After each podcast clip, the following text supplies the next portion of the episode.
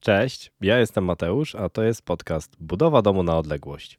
W dzisiejszym odcinku nie chcę za bardzo robić żadnego poradnika. Chciałbym rzucić takim trochę budowlanym mięsem, czyli po prostu moją historią, bo to był tak naprawdę główny pomysł na ten podcast, żeby opowiedzieć o tym, jakie mnie przygody spotkały i ewentualnie bazując na tym, zrobić jakieś małe poradniki od czasu do czasu, bo tak jak zawsze Wam powtarzam, no nie jestem jakimś ekspertem budowlanym. Wyrażam tutaj tylko swoje opinie e, z takiej perspektywy inwestora, amatora, który marzy o domu, no i niestety czasami jego marzenia muszą zderzyć się z realiami polskiej budowlanki. A jak tak właściwie wyglądają te realia polskiej budowlanki? Mogę mówić tylko o tym, co ja doświadczyłem, więc z mojej perspektywy wygląda to e, różnie, bym powiedział. Bo to zależy. Jeżeli ktoś, wiadomo, wynajmuje na przykład generalnego wykonawcę, który, którym jest jakaś duża firma i ona daje umowę, pewne jakieś tam gwarancje, zobowiązania i tak dalej, to sprawa wygląda troszeczkę inaczej, bo mamy jedną jakby firmę, którą ewentualnie możemy później podać do sądu, czy coś od niej wymagać. Ale nawet gdy jest to jedna firma, to gdzieś tam później w roli podwykonawcy, podwykonawcy, podwykonawcy, prędzej czy później na naszej budowie pojawi się przysłowiowy Janusz budownictwa. Czy da się przed tym jakoś ustrzec? Powiem wam, że ciężko. I tak jak kiedyś wspominałem w jednym z wcześniejszych odcinków, ja i tak uważam, że miałem naprawdę mega, mega dużo szczęścia mm, porównując jakby moje zaangażowanie e, fizyczne i obecność na tej budowie mm, versus to, co otrzymałem, czyli no ten budynek stoi, jednak się nie zawalił. Także tutaj, e, no, biorąc pod uwagę to, co dzieje się na niektórych budowach, tak jak przeglądam sobie czasami fora budowlane albo jakieś grupy na Facebooku, to ja miałem mega duże szczęście, tak czy siak. No więc e, cóż, zaczynajmy. Dobra, to więc na początek powiem Wam, że na samym początku, gdy zaczynałem budowę, to z tej perspektywy dzisiejszej wydaje mi się, że byłem troszeczkę zuchwałym młodym człowiekiem, który myślał, że zrobi sobie dokładnie tak, jak zaplanował, od A do Z i wszystko ułoży się po jego myśli. Mówię zuchwały, bo myślałem sobie tak. Mam e, przyszłego teścia, który e, jest inżynierem budownictwa, miał kiedyś firmę budowlaną, czyli mam jakby takie know-how. E, on wie, jak budować domy, będzie moim kierownikiem budowy a ja będę sobie tylko wynajmował jakby takich pomocników. Tutaj murarz, tutaj jakiś cieśla, a on jakby wszystko zepnie, będzie ich majstrem na budowie i dzięki temu koszty mojej robocizny no, zredukują się tylko tak naprawdę do e, wypłat tych ludzi, a nie będzie mnie tutaj e, jakby obowiązywać jakaś marża dla tego przedsiębiorcy, który ewentualnie miałby świadczyć jakieś usługi na mojej budowie. Także z dzisiejszej perspektywy uważam, że to było dosyć zuchwałe podejście, bo tutaj nie było żadnego w ogóle żadnego planu B. Ja myślałem, że to tak będzie i dlatego zaczynamy. Nie przemyślałem tego wszystkiego i życie szybko zweryfikowało. Plan był dosyć, y, powiem teraz, no, romantyczny, bo miałem taką wizję, że ja i moja żona będziemy, wtedy dziewczyna, będziemy zarabiać pieniądze w Wielkiej Brytanii. Y, wszystkie urlopy, które będę miał, spędzę w Polsce i w połączeniu jakby sił moich, mojej rodziny, rodziny mojej przyszłej żony, plus jakichś tam ludzi, których sobie wynajmiemy, no, zbudujemy ten dom, czyli będzie tutaj praca szła, a ja tylko będę jakby zarabiał pieniądze, większość tych pieniędzy na materiały budowlane. Bo jak myślałem sobie na samym początku, ile to może kosztować, jakbym brał pod uwagę to, że płacę wykonawcom mm, od, od samego początku, to ta kwota była już wtedy dla mnie nieosiągalna, astronomiczna i w ogóle. E, dzisiaj to jest prawie że dwa, trzy razy tyle, ale wtedy nawet pomimo tego, że to było dużo, dużo tańsze, ta kwota wydawała mi się mega astronomiczna i gdybym wiedział, że będę musiał płacić wykonawcom y, za zrobienie tego domu od samego początku, to na pewno albo prawie na pewno w ogóle nie zacząłbym tej budowy. Także z jednej strony jestem wdzięczny, że tak się złożyło, bo myślałem na początku, że zrobię to tanio. Niestety tanio się nie da nie dało się tanio, więc y, no, jakieś pozytywy próbuję z tego tutaj teraz wyciągnąć i pozytywem jest to, że po prostu zacząłem, bo bez tego bym nie zaczął, bo bym myślał, że mnie to po prostu przerośnie. I powiem wam, że na samym początku nawet było całkiem nieźle, bo mój plan no, wystartował. Udało mi się zebrać wszystkie dokumenty potrzebne do y, uzyskania pozwolenia na budowę, no i ta budowa ruszyła. y, i ruszyła tak, jak ja sobie to zakładałem, czyli byłem w to zaangażowany ja, był w to zaangażowany mój tata, tata mojej przyszłej żony i paru jakichś tam pracowników, których wynajęliśmy. I uwaga, udało nam się w takim składzie dobrnąć do końca stanu zero. Także jakieś, no nie wiem, 5% budowy, coś w tym stylu, może 6%. I na tym się skończyło. Niestety tutaj y, to nie jest takie proste, żeby jakby angażować ludzi, którzy jeszcze mają jakieś swoje inne prace, bo nasi ojcowie pracują zawodowo. Y, do tego jeszcze jakaś tam odległość y, wchodziła w grę. Ja też, no, można owszem pracować na tych urlopach i tak dalej, ale do pewnego momentu to tylko jest jakby opcją, żeby zgrać to logistycznie. Później to już jest coraz trudniejsze i pewnym momencie zdałem sobie sprawę, że no niestety tak się nie da zrobić. I niestety muszę udać się do jakiegoś wykonawcy, żeby mi pomógł tutaj i żebym mógł tą budowę popchnąć dalej. Cóż, po zakończeniu tego stanu zero byłem w Polsce na jednym z urlopów. No i tak rozglądałem się, bo nie miałem żadnego doświadczenia, nie wiedziałem kompletnie co zrobić, e, gdzie, gdzie się udać, bo ci ludzie, nawet nie wiedziałem szczerze mówiąc, gdzie oni się ogłaszają. Wtedy jeszcze nie było takich portali jak jakieś Oferteo czy Fixly, gdzie są jacyś tam wykonawcy, którzy świadczą usługi, mają jakieś opinie wystawiane i tak dalej, i tak dalej. Także y, pomyślałem sobie, ok, na mojej ulicy jest parę budów, pójdę i po prostu porozmawiam. Powędrowałem więc do jednego z wykopów na mojej ulicy, w którym sobie pracował pomału pan murarz robił właśnie stan zero y, jakiemuś tam mojemu sąsiadowi, który y, z tego co się dowiedziałem, był całkiem zadowolony y, z poziomu jego pracy. Ja uradowany i podbudowany tym faktem pomyślałem sobie, no skoro gość jest taki dobry, to znaczy, że u mnie pewnie też będzie fajnie robił. Mm, I może byłoby to prawdą, z tym, że nie pomyślałem sobie, że na tamtej budowie, właśnie u mojego sąsiada, ten człowiek był nadzorowany praktycznie codziennie, bo inwestor na tamtej budowie był praktycznie codziennie. Ja miałem w planach być dwa razy do roku. To był mały szczegół, na który wtedy nie zwróciłem uwagi, a okazuje się, że mogłem zwrócić uwagę, bo to jednak robi bardzo dużą różnicę. No więc yy, umówiłem się z tym panem, że na wiosnę zaczynamy, czyli robimy mury, yy, strop, kominy, wszystko aż pod więźbę dachową. Chyba nawet ten pan miał mi też zrobić więźbę, z tego co pamiętam. I to był jakby jego zakres pracy. E, że muruje wszystko i robi więźbę, na tym koniec. Ewentualnie później, bo on chyba, nie, on chyba nawet robił wszystko z tego co pamiętam. Ale ten etap, ten etap, na który my się dogadywaliśmy, to był stan surowy, bez pokrycia dachu. I, i okej. Okay. E, umówiliśmy się chyba bodajże na marzec, z tego co pamiętam. Także ten mój stan zero, który zrobiliśmy, sobie przez zimę poleżał. E, niektórzy mówili nawet, że lepiej, bo się tam fajnie zagęścił teren naturalnie i tak dalej. No i przychodzi marzec. Ja tak troszeczkę powiem szczerze, podejrzewałem, że to no nie jest tak na budowie, szczególnie na tych takich etapach, gdzie pracuje się pod gołym niebem, że tutaj mm, ta godzina, ta data i ktoś pojawi się na budowie. No myślałem, że może, no wiadomo, no tam jakiś deszcz będzie padał, jakiś może przymrozek jeszcze chwyci, coś tam, może się przesunąć to mm, jakoś tydzień czy dwa. Ale tutaj kończy się marzec, pan nie przyszedł na budowę. Coś mu wypadło. Jakoś tak odwlekał, mówi, dobrze, tutaj tego dopinam ostatnie tematy i wchodzimy w, w kwietniu ja jakoś tak szczerze mówiąc, no nie paliłem się mm, zbyt mocno, bo wiedziałem, że ta budowa no, potrwa trochę, mm, a mogłem. Bazując na tym, jak później wzrosły ceny, to mogłem się spieszyć i to bardzo.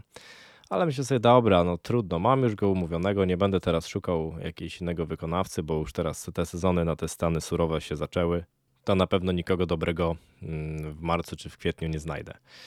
No i tak sobie czekałem. Dzwoniłem do tego pana raz na dwa tygodnie czy raz na miesiąc już później mówię, no kiedy zaczynamy w końcu?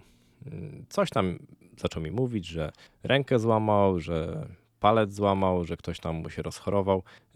Teraz mogę wam powiedzieć, że przez cały ten okres, kiedy budował ten stan surowy, pochował prawie wszystkich członków swojej rodziny. Chyba miał separację z żoną. Wszyscy pracownicy od niego odeszli, byli na chorobowym i tak dalej. Także co chwilę lądował y, w mojej skrzynce SMS mm, jakiś jakieś lądowało jakieś bezsensowne wytłumaczenie. Na tamtym etapie, szczerze mówiąc, mogłem już mu podziękować, ale im dłużej to trwało, jakby to, te, te opóźnianie tego zaczęcia, tym bardziej myślałem, że już jest teraz mega późno i na pewno nikogo normalnego nie znajdę, więc już dobra. Skoro dobrze robi, jest fachowiec, może jest taki yy, po prostu obłożony robotą, że no trudno, ale przynajmniej będę miał dobrze zrobione. Yy, okazało się, że ten pan zaczął tą pracę dopiero w sierpniu. Także umówił się ze mną na marzec, zaczął w sierpniu. Yy, no i zaczął, powiem wam, w taki sposób, że. Mm, praktycznie go na tej budowie nie było. To jest właśnie ten temat, że y, na budowie byli jacyś dwaj pracownicy, którym no średnio zależało na tym, żeby to zrobić dobrze.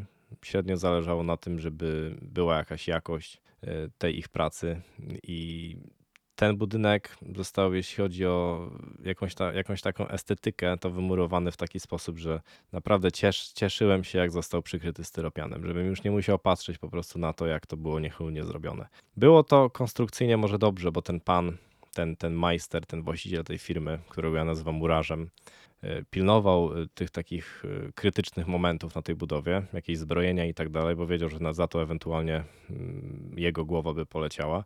Ale jeśli chodzi o taką ogólną estetykę i trzymanie takich różnych rzeczy, no to, mm, to powiem wam, że cieszyłem się naprawdę, jak to już zostało zakryte, żebym nie musiał na to patrzeć. I cóż, ten pan oczywiście miał swoich pracowników. Oni sobie tam przyklejali tak po jeden, dwa pustaki dziennie. Nie wiem, nie wiem o co to chodziło, czy po prostu. Znaczy, teraz już wiem, no, on był po prostu na innych budowach, bo cała ta relacja yy, wykonawca i inwestor na polskich budowach no jest dosyć specyficzna. Mówię tu o takich y, domach budowanych systemem gospodarczym, czyli tu sobie wynajmę kogoś, trochę zrobię sam, tak jak ja to robiłem. Yy, jest tutaj spora doza, bym powiedział, takiego braku zaufania. I to jest spowodowane tym, że no każdy chce jakby, z jednej strony, to jest wina też inwestorów, ja to zauważam. Każdy chce, żeby było zrobione jak najtaniej. Ja nie zawsze chciałem, żeby było jak najtaniej. Ja chciałem coś pomiędzy najtaniej a najdrożej i żeby, było dobra, żeby była dobra jakość. No myślę, że to jest zdroworozsądkowe pojęcie, ale no niestety się nie zawsze udało. Ale jeśli chodzi o wykonawców, no to oni wiadomo, chcą jak najwięcej zarobić, więc coś takiego jak umowa, mm, no to jest takie do tej pory, mimo że mamy 2023 rok, ja uważam, że większość prac na tego typu budowach jest wykonywana bez umowy, albo to jest taka umowa, umowa ustna, nie ma żadnych faktur i tak dalej. Z tego praktycznie połowa firm albo nawet więcej robi jakąś lewiznę, nie rozliczają się z tego. I ze względu na to, że nie ma tej umowy, no to inwestor jest narażony na jakieś tam konsekwencje, bo wiadomo, jest, jest jakieś gorsze dochodzenie e, swoich praw, jeśli chodzi o jakość wykonania usług, jeśli chodzi o jakąś tam gwarancję tych usług i tak dalej. Ale brak tej umowy też y, jakby tutaj stwarza pewną, y, pewne, pewne konsekwencje dla wykonawcy, bo on do samego końca nie wie, czy taki inwestor się nie wycofa i na pewno wielu się wycofuje, bo coś tam im się zmieniło, bo coś tam, bo biorą kilku, bo też wiedzą, że na przykład jeden może nie przyjść tak jak u mnie i przez to oni też muszą jakoś się zabezpieczać i wydaje mi się, że dlatego biorą kilka budów na raz. Raz, że jest więcej kasy, ale po drugie, jak ktoś im tam wypadnie, to nie ma tragedii, bo u tego podrobią więcej, u tamtego więcej i jakoś cały czas jest ta y, ciągłość. Y, także nie, nie wypadają im jakieś dni, że ich pracownicy nie mają w ogóle nic co robić, bo to jest oczywiście dla nich strata pieniędzy. Także chyba już na odczepnego, żebym się odwalił od tego gościa i nie dzwonił do niego, bo później to już zacząłem dzwonić do niego prawie codziennie.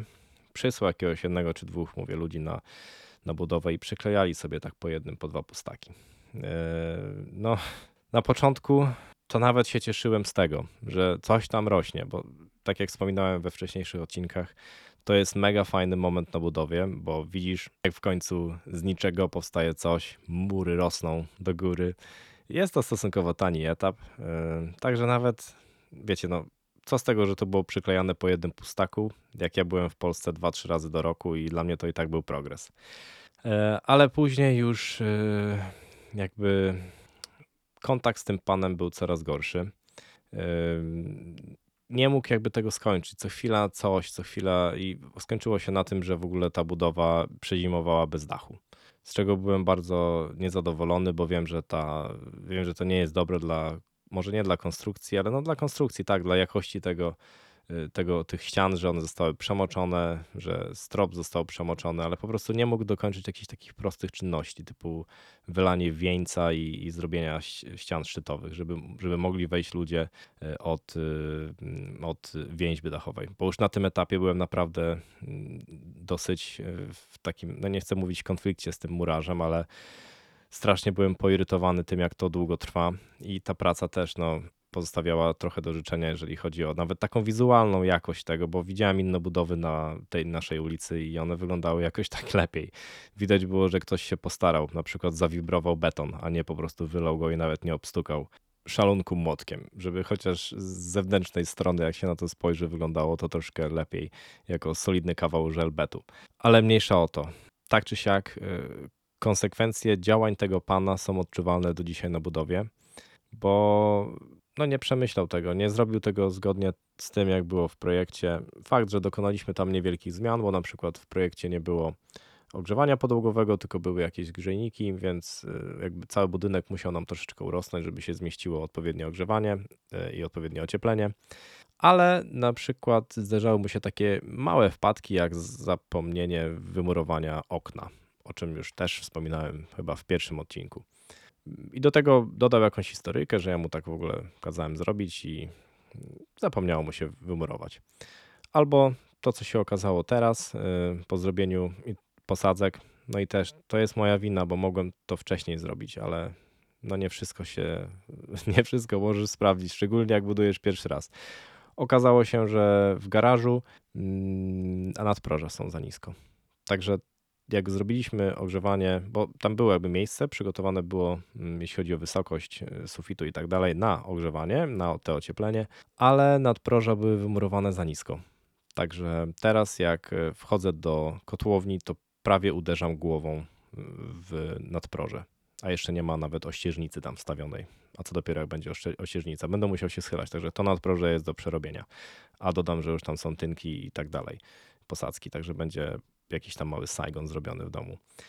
Miałem pewne wątpliwości, jeśli chodzi y, o jakość wykonania tej, tego budynku, że jakby konsultowałem to z kierownikiem budowy, y, jeszcze z jednym człowiekiem, który jest jakby takim architektem, bo pewne tam rozwiązania, które ten pan zrobił, jakoś nie przypadły mi do gustu, ale oni oboje utwierdzili mnie w przekonaniu, że mimo tego, że może nie wygląda to najlepiej, wizualnie to jeśli chodzi o techniczny aspekt, wszystko jest ok.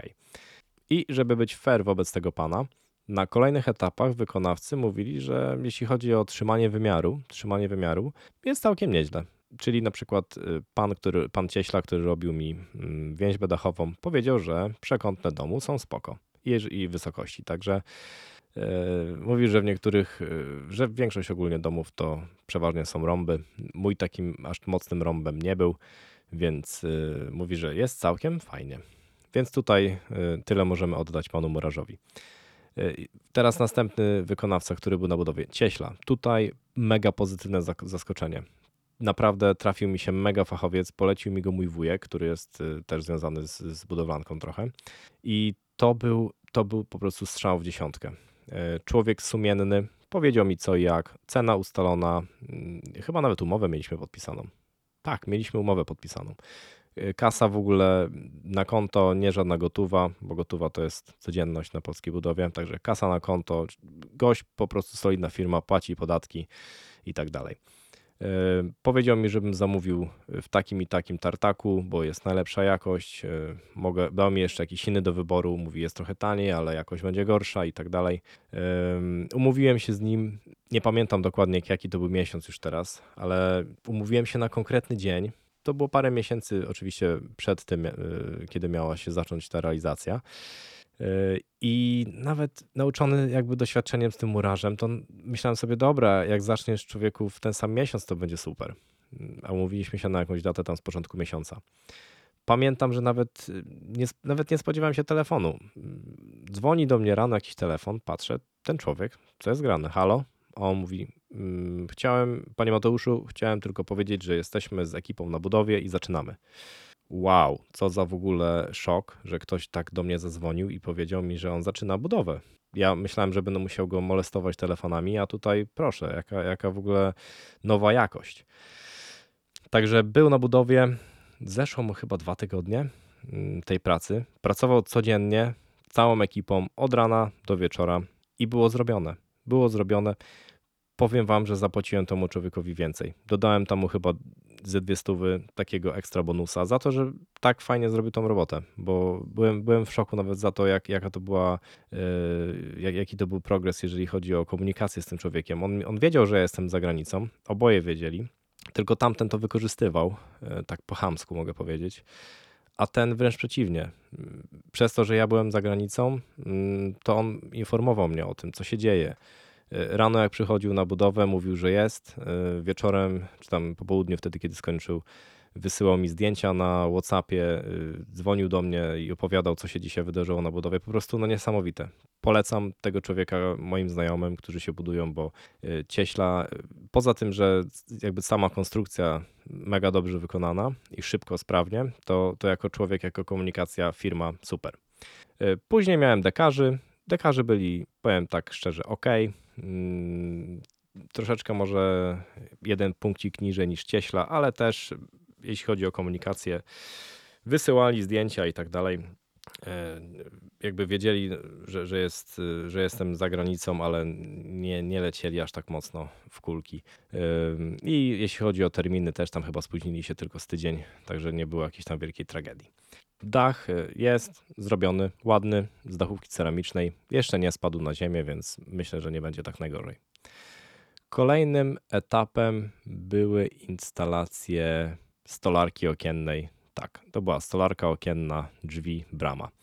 E, tutaj, e, jeśli chodzi o to, to poszukałem firmę w internecie. Myślę sobie, dobra, tamtych dwóch miałem jakby z polecenia. Mm, teraz znajdę sobie sam firmę. I znalazłem firmę e, w, nie w moim mieście, ale w takim mieście, które jest niedaleko, troszeczkę większe. Opinie były super i mogę przyznać, że one nie były jakieś tam spreparowane. Firma okazała się mega profesjonalna. E, cenowo chyba wychodziła nawet podobnie jak te firmy lokalne u mnie, a też było załatwione to mega fajnie w ogóle jeśli chodzi o jakieś właśnie stolarki i tak dalej, myślę, że tutaj jest o wiele lepszy temat, chociaż są dalej też jakieś tam Janusze, ale jeżeli, jeżeli firma ma e, naprawdę jakieś tam 500 opinii, 4,8 gwiazdki e, na, na wizytówce Google, to myślę, że to jest całkiem nieźle. I tutaj przyjechali, pomierzyli, sam właściciel firmy też był na budowie, zobaczył, pomierzył, e, zamówiliśmy te okna, później była konkretna data. Oni też wiedzieli, że ja mieszkam za granicą, także tutaj też jakby komunikacja była super. Wysłali mi zdjęcia, jak już te okna do nich przyszły, mm, żebym już wiedział, że coś się dzieje, bo też trzeba było czekać chyba trzy miesiące na to, czy dwa miesiące, coś takiego, na ich realizację. I później już sam dzień montażu. Nie byłem e, w Polsce wtedy, był tylko mój ojciec na budowie. Mm, przyjechali w trzy dni i ogarnęli cały temat. Także mega fajnie, okna super jakościowo. Y, okna, y, jeśli chodzi o samą stolarkę, wziąłem od firmy Wiśniowski, y, tak samo jak bramę i uważam, że to był dobry wybór, bo, bo naprawdę fajnie, ale teraz już wiem, że stolarka okienna, jej jakość to jest powiedziałbym 40% sukcesu, 60% to jest y, właściwa jej instalacja. Także tutaj y, trzeba poszukać naprawdę renomowanej firmy, żeby nie zepsuli po prostu dobrego produktu jakimś badziewiastym montażem. Y, później zaczęły się instalacje i kolejną pracą była instalacja elektryki. Tutaj troszeczkę wydaje mi się, że popełniłem mały błąd, bo no, miałem ogólnie pecha. Powiem wam, że miałem pecha z tą elektryką, bo, bo nie dość, że zrobiłem coś, czego nie powinienem robić, czyli wziąłem kolegę, żeby zrobił mi to, który ma firmę elektryczną. Tylko no, z kolegami na budowie to powiem szczerze, różnie bywa. Mm, I tutaj też, jeśli chodzi o realizację, no, wyszło na to, że ja byłem dla niego jakimś tam małym klientem tak przynajmniej sprawiał takie wrażenie, którego nie bardzo chciało mu się robić. I tak robił, bo robił. Też oczywiście samego jego to mało było na budowie, tylko jakiś tam jego pracownicy.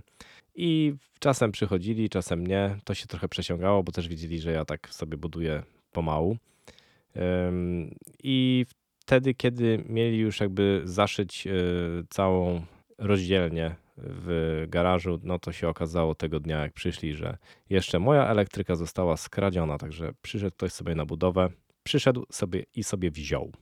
Policja oczywiście była na budowie. E, sprawca niestety nie został ustalony. Mm, dodam, że na tym etapie nie miałem nawet e, ubezpieczenia. To był kolejny błąd, za który no niestety zapłaciłem. Kosztował mnie on kilkadziesiąt tysięcy kilkanaście tysięcy, może nie kilkadziesiąt, kilkanaście tysięcy, ale kosztował mnie bardzo dużo. Także elektryka ogólnie wyniosła mnie mega dużo kasy i wolę nie wracać nawet do tego myślami, mm, ale myślę, że gdybym wziął firmę w podobnym temacie, e, jak e, właśnie w podobny sposób jak z tymi oknami, czyli bazując na internecie nawet i na opiniach innych ludzi, jakoś weryfikując to też e, rozmową z tymi ludźmi i sprawdzając ich kompetencje, mm, chyba byłbym w lepszej sytuacji, bo byłoby to zrobione jakby od A do Z dosyć szybko i, i, i, myślę, że nie musiałbym, nawet może nie dalibyśmy szansy, żeby złodziej mógł ukraść, bo na tym etapie miałem już zainstalować sobie kamery, bo miał być w końcu prąd w domu i tak dalej. Także no trudno, tak się zdarzyło. Niestety, teraz już jestem ubezpieczony, mam kamery, alarmy i tak dalej. Yy, następnym etapem mm, była, były tynki, tak. Po tej elektryce zrobiłem tynki. I tutaj, jeśli chodzi o tynki, yy, no, zacząłem szukać sobie w internecie i znalazłem taką firmę, która się zajmuje tylko tynkami maszynowymi. Wyglądali całkiem spoko yy, i umówiliśmy się, nawet umowę podpisaliśmy. To też było dosyć dziwne, ale okej, okay, podpisaliśmy umowę na zrobienie tynków na konkretną datę. Tam jakieś chyba było nawet, że tydzień czy dwa tygodnie w tą czy w tą może się tak wydarzyć, że będzie mała obsuwa. No ale też yy, zbliżał się miesiąc, na który się umówiliśmy. Yy, potwierdzam, czy tak, tak, wszystko ok, wchodzimy na pewno, na pewno. No i minął ten termin, minął tydzień, dwa. Co tydzień tak mniej więcej dzwoniłem i co chwila otrzymywałem zapewnienie, że w przyszłym tygodniu zaczniemy, w przyszłym tygodniu zaczniemy. I powoli zaczęło mi to przypominać sytuację z tym murarzem.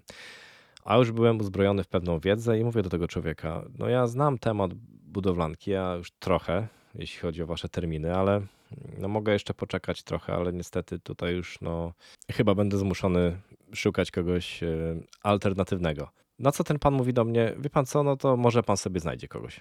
I tak w sumie zdębiałem, bo nie chciałem tak naprawdę szukać nikogo, nikogo innego, bo ten gość miał dosyć dobre opinie. E, I, I, w sumie wyszedłem trochę na głupka, bo mówię do niego, wie pan co, poczekam jeszcze tam tydzień czy dwa i, i, i wtedy zobaczymy. E, suma summarum wyszło tak, że ten człowiek podnajął inną firmę, jakąś tam jak, swoich znajomych, bo on sam wkopał się w jakąś tam inną dużą budowę, na której miał problemy i chyba nawet mówił prawdę. Więc y, przyszła do mnie inna ekipa zrobić te tynki. Y, tutaj y, chciałem troszeczkę jakby się zabezpieczyć ze swojej strony i oprócz tego, że oczywiście mam kierownika na budowie, to wynająłem sobie jeszcze takiego pana, który taki nadzór inwestorski jakby sprawował e, nad tymi tynkarzami, bo sobie myślę, płacę trochę kasy, tutaj ta usługa kosztowała tam jakieś 400 czy 500 zł, coś takiego. Myślę sobie, to się opłaca. Nie mam je na miejscu, a tutaj przyjdzie ktoś kompetentny, porozmawia w odpowiedni sposób z tymi ludźmi, pokaże, że w ogóle będzie, że będzie jakiś odbiór yy, przez kompetentną osobę. To będzie jakby może lepsza szansa, większa szansa na to, że ta usługa będzie wykonana w porządku. Yy, I tak w sumie było. Ta usługa została wykonana całkiem nieźle. Te tynki mm, wyglądają całkiem nieźle, jeżeli chodzi o ich jakby równość i, i tak dalej, ale no nie obyło się bez jakichś tam małych wpadeczek, bym powiedział bo tym panom po pierwsze w umowie y, na koniec y, ten, ten już po odebranej robocie zapłaciłem ostatecznie kasę i ten pan y, przyszedł do mnie, znaczy, przepraszam, zadzwonił do mnie i powiedział, że źle policzył metry. Że ta firma, właśnie jego kolegi, przeliczyła metry na nowo i tam wyszło, że chyba 30 metrów więcej. Jak to jest możliwe?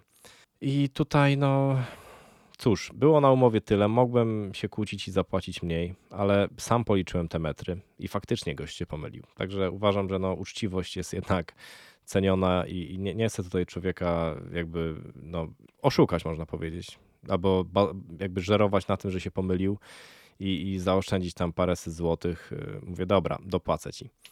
Także wywiązałem się jakby, jeśli chodzi o, o, o, kasę. Ten odbiór został zrobiony przez tego pana mm, z tego nadzoru. Było wszystko fajnie. Tylko, że on był w ostatni dzień y, na tej budowie, gdzie oni już tam kończyli i zapomnieli, okazało się, że mieli jeszcze zrobić wiatrołapie, mm, ostatni fragment i się im zapomniało. Także wyszło na to, że do dzisiaj w sumie w wiatrołapie nie mam tynku na suficie. Próbowałem wielokrotnie kontaktować się z tym panem i pytać go po prostu. No zapłaciłem panu za wszystko. Niby fajnie, tynki są spoko, ale gdzie jest mój sufit we wiatrołapie? Przeprosił, powiedział, że zapomnieli tamci, że on przyjedzie, to zrobi sam i w ogóle tak obiecywał mi znowu tydzień, styczeń, luty, marzec, kwiecień. No mamy, cóż, mamy teraz już e, sierpień i to chyba następnego roku, a tynków dalej nie ma w tym wiatrołapie. Także wiecie co, dałem sobie spokój z tym. Jak będę się wprowadzał, przykleję tam po prostu chyba e, płytę kartonowo-gipsową, mm, podwieszę to jakoś e, zamiast, zamiast tynku normalnego i tyle. Będę chyba żył. Nie chce mi się po prostu marnować życia na to, żeby jakiegoś człowieka o 3 metry kwadratowe tynku ścigać, bo mam inne zmartwienia. Także tynki ogólnie, no ok, powiem ok. Cóż, po tynkach yy, przyszło na hydraulikę. I tutaj hydraulika właśnie, hydraulika. Powiem wam, że hydraulika, no to jest temat naprawdę, temat rzeka. Temat rzeka, tutaj jest mnóstwo Januszy, y, budownictwa, instalatorów, którzy po prostu pieniądze chcą kasować od was niesamowite. To jest, to jest temat na chyba książkę, żeby opisać to, jak hydraulicy mogą robić w konia swoich e, inwestorów i pewnie w drugą stronę to samo. Ale posłuchajcie, jak to było u mnie. Zacząłem sobie e, myśleć, skąd tu wziąć hydraulika. I tak jak wspominałem wcześniej, są te portale teraz już e, typu Fixly. Dałem zapytanie na Fixly dałem ofertę i mówię, że no, napisałem jaki dom i tak dalej, co chcę, żeby podłogowe ogrzewanie zrobić, instalację wodno-kanalizacyjną, no i zobaczymy, kto się zgłosi. E, to było rok temu, mm, gdzie była taka fala e, tej, tej inflacji duża i też jakby mało wykonawców na rynku, także wszyscy podbili sobie ceny dwukrotnie. Większość ludzi nawet w ogóle nie chciała pracować, e, jakby nie miała terminów, nawet, nawet nie zabiegali o to, bo mieli tyle roboty, że nawet najbardziej dziadowskie firmy były wtedy zarobione. Najbardziej dziadowskie, z jedną gwiazdką w opiniach. One miały nawet e, zlecenia, bo po prostu nie było komu pracować. E, I cóż, napisało do mnie chyba trzech ludzi na tym Fixli. Jeden, z jednym rozmawiałem, napisał mi po dwóch dniach, że jednak rezygnuje, bo nie ma terminów. Spoko. E, dwóch z nich zapytałem ich bo ustaliłem sobie tym razem reguły, jeżeli chodzi o, y, o rozmowę z wykonawcą. Pomyślałem sobie, dobra, mam trzy takie główne założenia. Pierwsze to pytam o umowę. Chcę umowę i chcę, żeby była jakaś gwarancja. Drugie, pytam, czy ci ludzie mają jakieś szkolenia, jeżdżą na jakieś szkolenia, żeby się doszkalać i tak dalej, i tak dalej. Czy są na bieżąco z wiedzą mm, aktualizowaną. I trzecie, to już takie, to już było takie na dobitkę. Chciałem zapytać, czy ich, e, czy ich personel e, ma jakieś takie szkolenia. I jeszcze tutaj powiem Wam szczerze, że zapytałem jednego, czy ma szkolenie z zakresu BHP. E, powiem Wam, że w ogóle mi nie odpisali już nawet. Zapytałem się o tą umowę, zapytałem się o, o szkolenia, w ogóle mi nie odpisali. E, kompletnie jeden chyba mi tylko wysłał uśmieszek taki, taką emotkę, takiego uśmieszka i już ślad po nich zaginął. Także troszeczkę się podłamałem tym, bo stwierdziłem, że jestem na przegranej sytuacji, na przegranej pozycji. E, I z drugiej strony też, no, tak jak pisałem wcześniej, nie miałem jakoś chyba do końca funduszy na to, więc y, musiałem to przełożyć, troszeczkę opóźnić. I wyszło na dobre, bo niektóre materiały staniały w międzyczasie. E, ale skąd wziąłem tego wykonawcę, który ostatecznie zrobił robotę? Poszedłem do sklepu mm, takiego, takiej hurtowni hydraulicznej i zapytałem się, bo stwierdziłem, że jeżeli oni kogoś polecają, to wiadomo, no on bierze od nich materiał, pewnie y, ma tam jakieś marże dla siebie z tego materiału i tak dalej, bo to jest norma mm, w, w tej branży. Y, to pomyślałem sobie, że nawet jeżeli tam mają jakiś układ w tej hurtowni, no to musi mieć kogoś zaufanego, bo przecież nie chcą zszargać sobie opinii jakimś partaczem, więc tak do tego podszedłem. Zapytałem, kogo więc polecają i dostałem do rąk wizytówkę. Całkiem sympatyczni panowie zjawili się chyba nawet tego samego dnia na budowie, zrobić taki rekonesans, mniej więcej porozmawiać o pieniądzach i mniej więcej się dogadaliśmy, tak, mniej więcej. Ale co mnie tak uderzyło, to to, że zdałem sobie sprawę po tej rozmowie, że to ja jestem dla tych panów, a nie oni dla mnie. Także ja jako inwestor tutaj mam podjąć i przejąć na siebie całe ryzyko, jeśli chodzi o zmienność cen, bo zostało mi powiedziane, że no okej, okay, umowę, no jeżeli pan chce, to możemy podpisać, ale ja tego nie potrzebuję i coś tam, coś tam. Już teraz, teraz to już wiem, dlaczego on nie potrzebuje. Ale chodziło o to, że te ceny wtedy tak się zmieniały, że ten człowiek e, nie chciał jakby ustalić ze mną jednej kwoty, bo powiedział, że on nie wie, ile będzie kosztowało e, jakby cała ta instalacja, nie wie, ile, ile wyjdzie różnych tam kolanek, kształtek i tak dalej, bo to różnie bywa, bo to może się nie będą musieli tędy, nie będą mogli się tędy przebić, to się tam tędy będą musieli przebijać i tak dalej, także nie wchodziło w grę jakieś zamawianie czegoś przez internet i tak dalej, bo, bo on musi mieć tu na miejscu i tak dalej. No, stara ściema, bo wiadomo, no, jest jakaś tam marża z tej hurtowni. I ja to mówię, no rozumiem ten temat, ale też muszę wiedzieć, jaki mam budżet, bo nie chcę, żeby była taka sytuacja, że się umawiamy na, nie wiem, dwie dychy, a wyjdzie na to, że będzie cztery dychy. E, to nie, nie, nie, to jakieś tam małe wahania i tak dalej, ale chodziło mi więcej o to, że jeżeli cena się zmieni, to tylko na moją niekorzyść, bo nie będzie tak, że sobie wpiszemy w, umowę, że mamy tyle razem materiał z, z, z wykonaniem, tylko po prostu ile będzie kosztował materiał, tyle mam zapłacić. Jedyną jakby niezmienną będzie jego e, stawka za robociznę. No i niestety nie miałem jakby już wyboru, musiałem się zgodzić na to, bo, bo nikt by mi inny tego nie zrobił. Rozważałem też zrobienie tego samemu, mm, bo to nie jest jakieś mega trudne. No, dzisiaj można oglądać sobie na YouTubie jakieś e, poradniki i kupić trochę sprzętu i zrobić to samemu. Naprawdę, to nie jest jakieś mega trudne rozłożyć ogrzewanie podłogowe. Ale niestety, jeżeli jest się w Anglii i pracuje się tutaj, to no, ciężko jest wygospodarować ten czas i, e, i, i, też jakby poświęcić tutaj zarobki, żeby tam coś zrobić, co może wyjść na to samo. Także no niestety, zgodziłem się. I jeśli chodzi o tą hydraulikę, no powiem Wam szczerze, jestem tak zadowolony mm, połowicznie, bo no ci ludzie kasują po prostu niesamowite pieniądze. Oni, oni tak naprawdę kasują pieniądze jak zachodni wykonawcy. Prawie, no myślę, że 70% tego, co biorą wykonawcy w Wielkiej Brytanii, tyle bierze polski hydraulik. I do tego ma jeszcze mnóstwo jakichś tam innych benefitów z tego, że e, bierze jakieś tam e, materiały, że namawia inwestorów albo ich wręcz przymusza do tego, żeby brać w jednej i tej samej firmie e, hurtowni materiały, to, to ma z tego różne tam narzędzia i tak dalej, i tak dalej. No ale tak wygląda niestety ten biznes. Z tym, że ja bym oczekiwał po prostu od takich ludzi, którzy kasują już takie pieniądze i uważają się za mega fachowców, obdarzonych jakąś tajemną wiedzą, wręcz magiczną, że no będą trzymać się jakichś tam standardów najlepszych. I, i, i nawet, nawet nie to, że ja tu wymagam jakichś cudów. Ja bym chciał, żeby robota była wykonana no, tak, jak, tak, jak przewiduje tego instrukcja producenta. Tylko tyle. I to na każdym praktycznie etapie zauważyłem, że ci wykonawcy nawet tego nie robią, czyli nie czytają instrukcji, albo robią czasami coś zupełnie na odwrót i mówią, że to się nie da tak inaczej. Przecież to, to, to są w ogóle tłumaczenia standardowe. To niech, ten to niech ten producent przyjdzie i to zrobi, jak jest taki. No, takie teksty są na budowie polskiej, no niestety.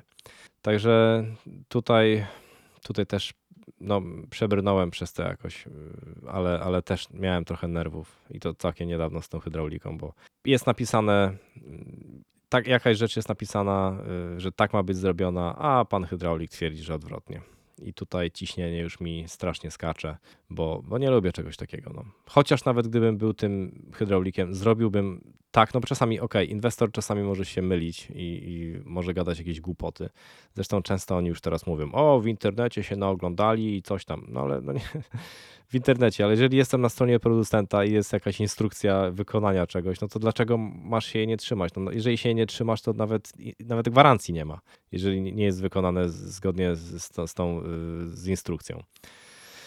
Także tutaj powiem tak, mam już dosyć tych wykonawców wszystkich. Cieszę się, że to już zbliża się ku końcowi, bo najchętniej to bym chciał. Już w pewnym momencie y, miałem ochotę powiedzieć, że po prostu dobra, skończ pan to i wypieprzaj z tej budowy. Przepraszam za to, ale no, bo, bo byłem już tak zdenerwowany, że nie dość, że jest drożej, 50% niż zakładaliśmy, to jeszcze nie jest do końca tak, jak powinno być zrobione. I to jest chyba najgorsze.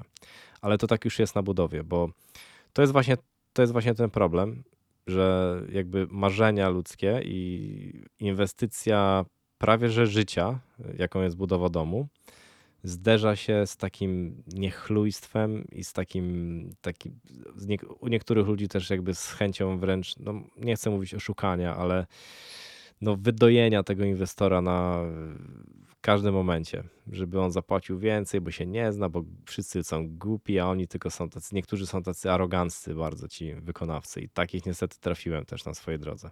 I ja wiem, że jeśli ktoś tak narzeka na jakichś forach budowlanych, to znajdą się ludzie, którzy powiedzą: Jak ci się nie podoba, za drogo ci, to zrób sobie sam. No i fakt, można sobie samemu zrobić. Tylko, że ja bym tutaj, no, tak jak mówię, oczekiwał jakiejś elementarnej uczciwości, czyli tego, że jeżeli jesteś wykonawcą, uważasz, że jesteś taki mega fajny, dobry, super, fajnie, ale pójdź czasem na szkolenie, dowiedz się, co nowego jest y, jakby w tej twojej branży, y, podpisz umowę z klientem, żeby mieć coś, co zabezpieczy twoje interesy, ale też i klienta interesy.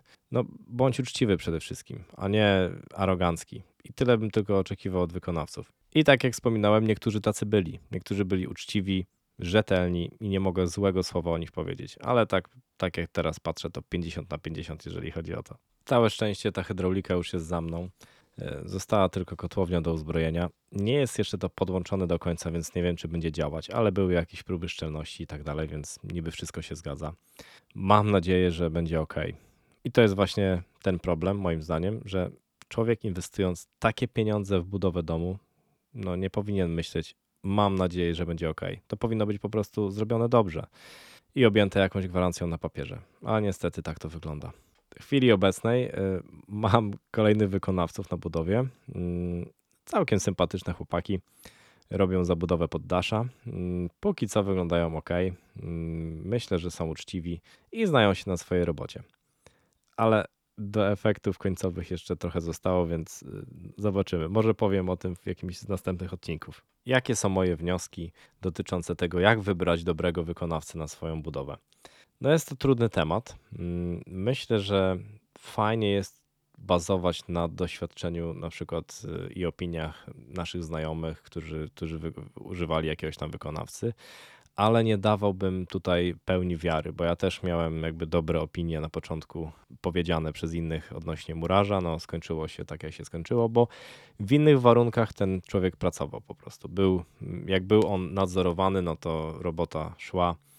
Gdy nadzorowany nie był, to już było z tym gorzej. Ale co zrobić, jeżeli nie mamy żadnego znajomego, który e, w ostatnim czasie budował dom, e, a poszukujemy jakiegoś wykonawcy? Tutaj e, jeżeli ja bym robił to jeszcze raz, zupełnie od początku, myślę, że nie bałbym się internetu, bo jednak w internecie jest sporo informacji i skoro potrafią w internecie funkcjonować takie portale jak na przykład Znany Lekarz, gdzie ogłaszają się specjaliści, y, są opinie, czasami zweryfikowane opinie i po nich jakby możemy dojść do naprawdę dobrego specjalisty, to skoro ludzie nie obawiają się powierzyć swojego zdrowia, być może nawet życia, jakimś tam specjalistom z internetu, to dlaczego nie miało być, by być tak samo, jeżeli chodzi o wykonawców? Mm, tutaj uważam, że internet to jest to naprawdę kopalnia wiedzy. Pomijam tutaj jakieś, e, szczególnie grupy internetowe. Myślę, że na forach internetowych jest trochę większa jakby kultura i też e, poziom merytoryczny, ale na takich grupach to często są jakieś gównoburze i tak dalej. Ale jeżeli chodzi o samych e, wykonawców i opinie na internecie, myślę, że można znaleźć naprawdę fajnych fachowców, którzy, którzy mają dobre opinie w internecie, którzy gdzieś tam mają, nie wiem, stronę albo jakiś profil na, na portalach typu Fixly i tak dalej, gdzie opinie są weryfikowane w jakiś sposób i wiemy, że to nie jest tak, że ten wykonawca napisze sobie tę opinię sam. Do tego dodałbym jeszcze drugi sposób, e, jeżeli chodzi o szukanie fachowców w internecie, mianowicie mm, szukanie przez stronę producenta. Mm, całkiem sporo producentów podaje na swoich stronach listy rekomendowanych e, wykonawców. I jeżeli mamy takich, e, jeżeli wykonawca, którego znaleźliśmy na przykład jest na takiej stronie, to, to, to dobrze o nim świadczy, bo E, to znaczy, że był na jakimś szkoleniu, że zna się na najnowszej technologii i wykonawca mm, ten nie będzie robił jakichś baboli, będzie podążał z tym, co producent y, będzie mu tutaj, będzie od niego wymagał. No i też producent y, w jakiś tam sposób będzie mógł y, zapewnić, że jego produkt zostanie zainstalowany zgodnie ze sztuką, bo przecież ostatecznie producentom też zależy na tym, żeby ich produkty były y, zainstalowane, y, zbudowane czy zrobione zgodnie ze sztuką. Także to też jest jakaś całkiem fajna opcja. Nie bałbym się też jakichś większych troszeczkę firm. Myślę, że one są czasami podobne cenowo, nawet do tych takich małych, jedno-, dwuosobowych działalności gospodarczych bo powiem wam, że różnie. No, jeśli chodzi o tą hydraulikę, to bo nie dodałem tam, jeżeli chodzi o ceny, to po prostu rozstrzał cenowy był tak ogromny. Na, na budowie polskiej normą jest to, że jeżeli bierzecie sobie na przykład trzech, e, trzy firmy, żeby wam zrobiły wycenę, to jedna firma wam powie, że weźmie za to 30 tysięcy, druga firma wam powie, że weźmie 60, a trzecia 100. Tak to można określić, że rozstrzał cenowy jest ogromny. Myślę, że jest to spowodowane tym, że albo wtedy to było spowodowane tym, że niektóre firmy mają już jakąś tam pracę, ale jak dostaną, mają na przykład pracę za 60, ale jak dostaną jakiegoś jelenia, który będzie chciał zapłacić 100, no to zostawiają tego za 60 i idą do tego za 100. Albo biorą sobie jakiegoś kolegę czy tam innego podwykonawcę, żeby zrobić to za 60, a sami robią to lepsze zlecenie. Także tak to niestety wygląda. Myślę, że jeżeli ktoś ma delikatne pojęcie techniczne, potrafi przeczytać jakiś rysunek techniczny, umie jakąś elementarną matematykę, umie po, posługiwać się podstawowymi przyrządami do pomiaru i jakimiś tam narzędziami, to jest w stanie wykonać, powiedziałbym, większość prac na budowie, bo to nie jest naprawdę trudna sprawa. Trzeba tylko mieć czas i przy oczywiście braku doświadczenia, przy posiłkowaniu się tematem typu YouTube i tak dalej, jakieś fora internetowe czy instrukcje producenta w formie wideo, jak coś wykonać, no zajdzie nam strasznie długo, ale z doświadczenia wiem, że no niestety, jak my się pomylimy, robiąc coś, to będziemy to poprawiać i poprawiać i poprawiać, aż będzie tak, jak powinno być. Jeżeli wykonawca się pomyli, no to raczej to on już będzie chciał chyba kontynuować i ewentualnie przykryć ten, tą pomyłkę czymś innym, żeby nie było tego po prostu widać i iść dalej. No niestety, taka jest, takie są realia. Kolejna sprawa to jest umowa. Nie zgadzajcie się na to, żeby jakikolwiek wykonawca zrobił wam cokolwiek bez umowy. Ja popełniłem ten błąd parę razy i niestety w większości przypadków było to z niekorzyścią dla mnie.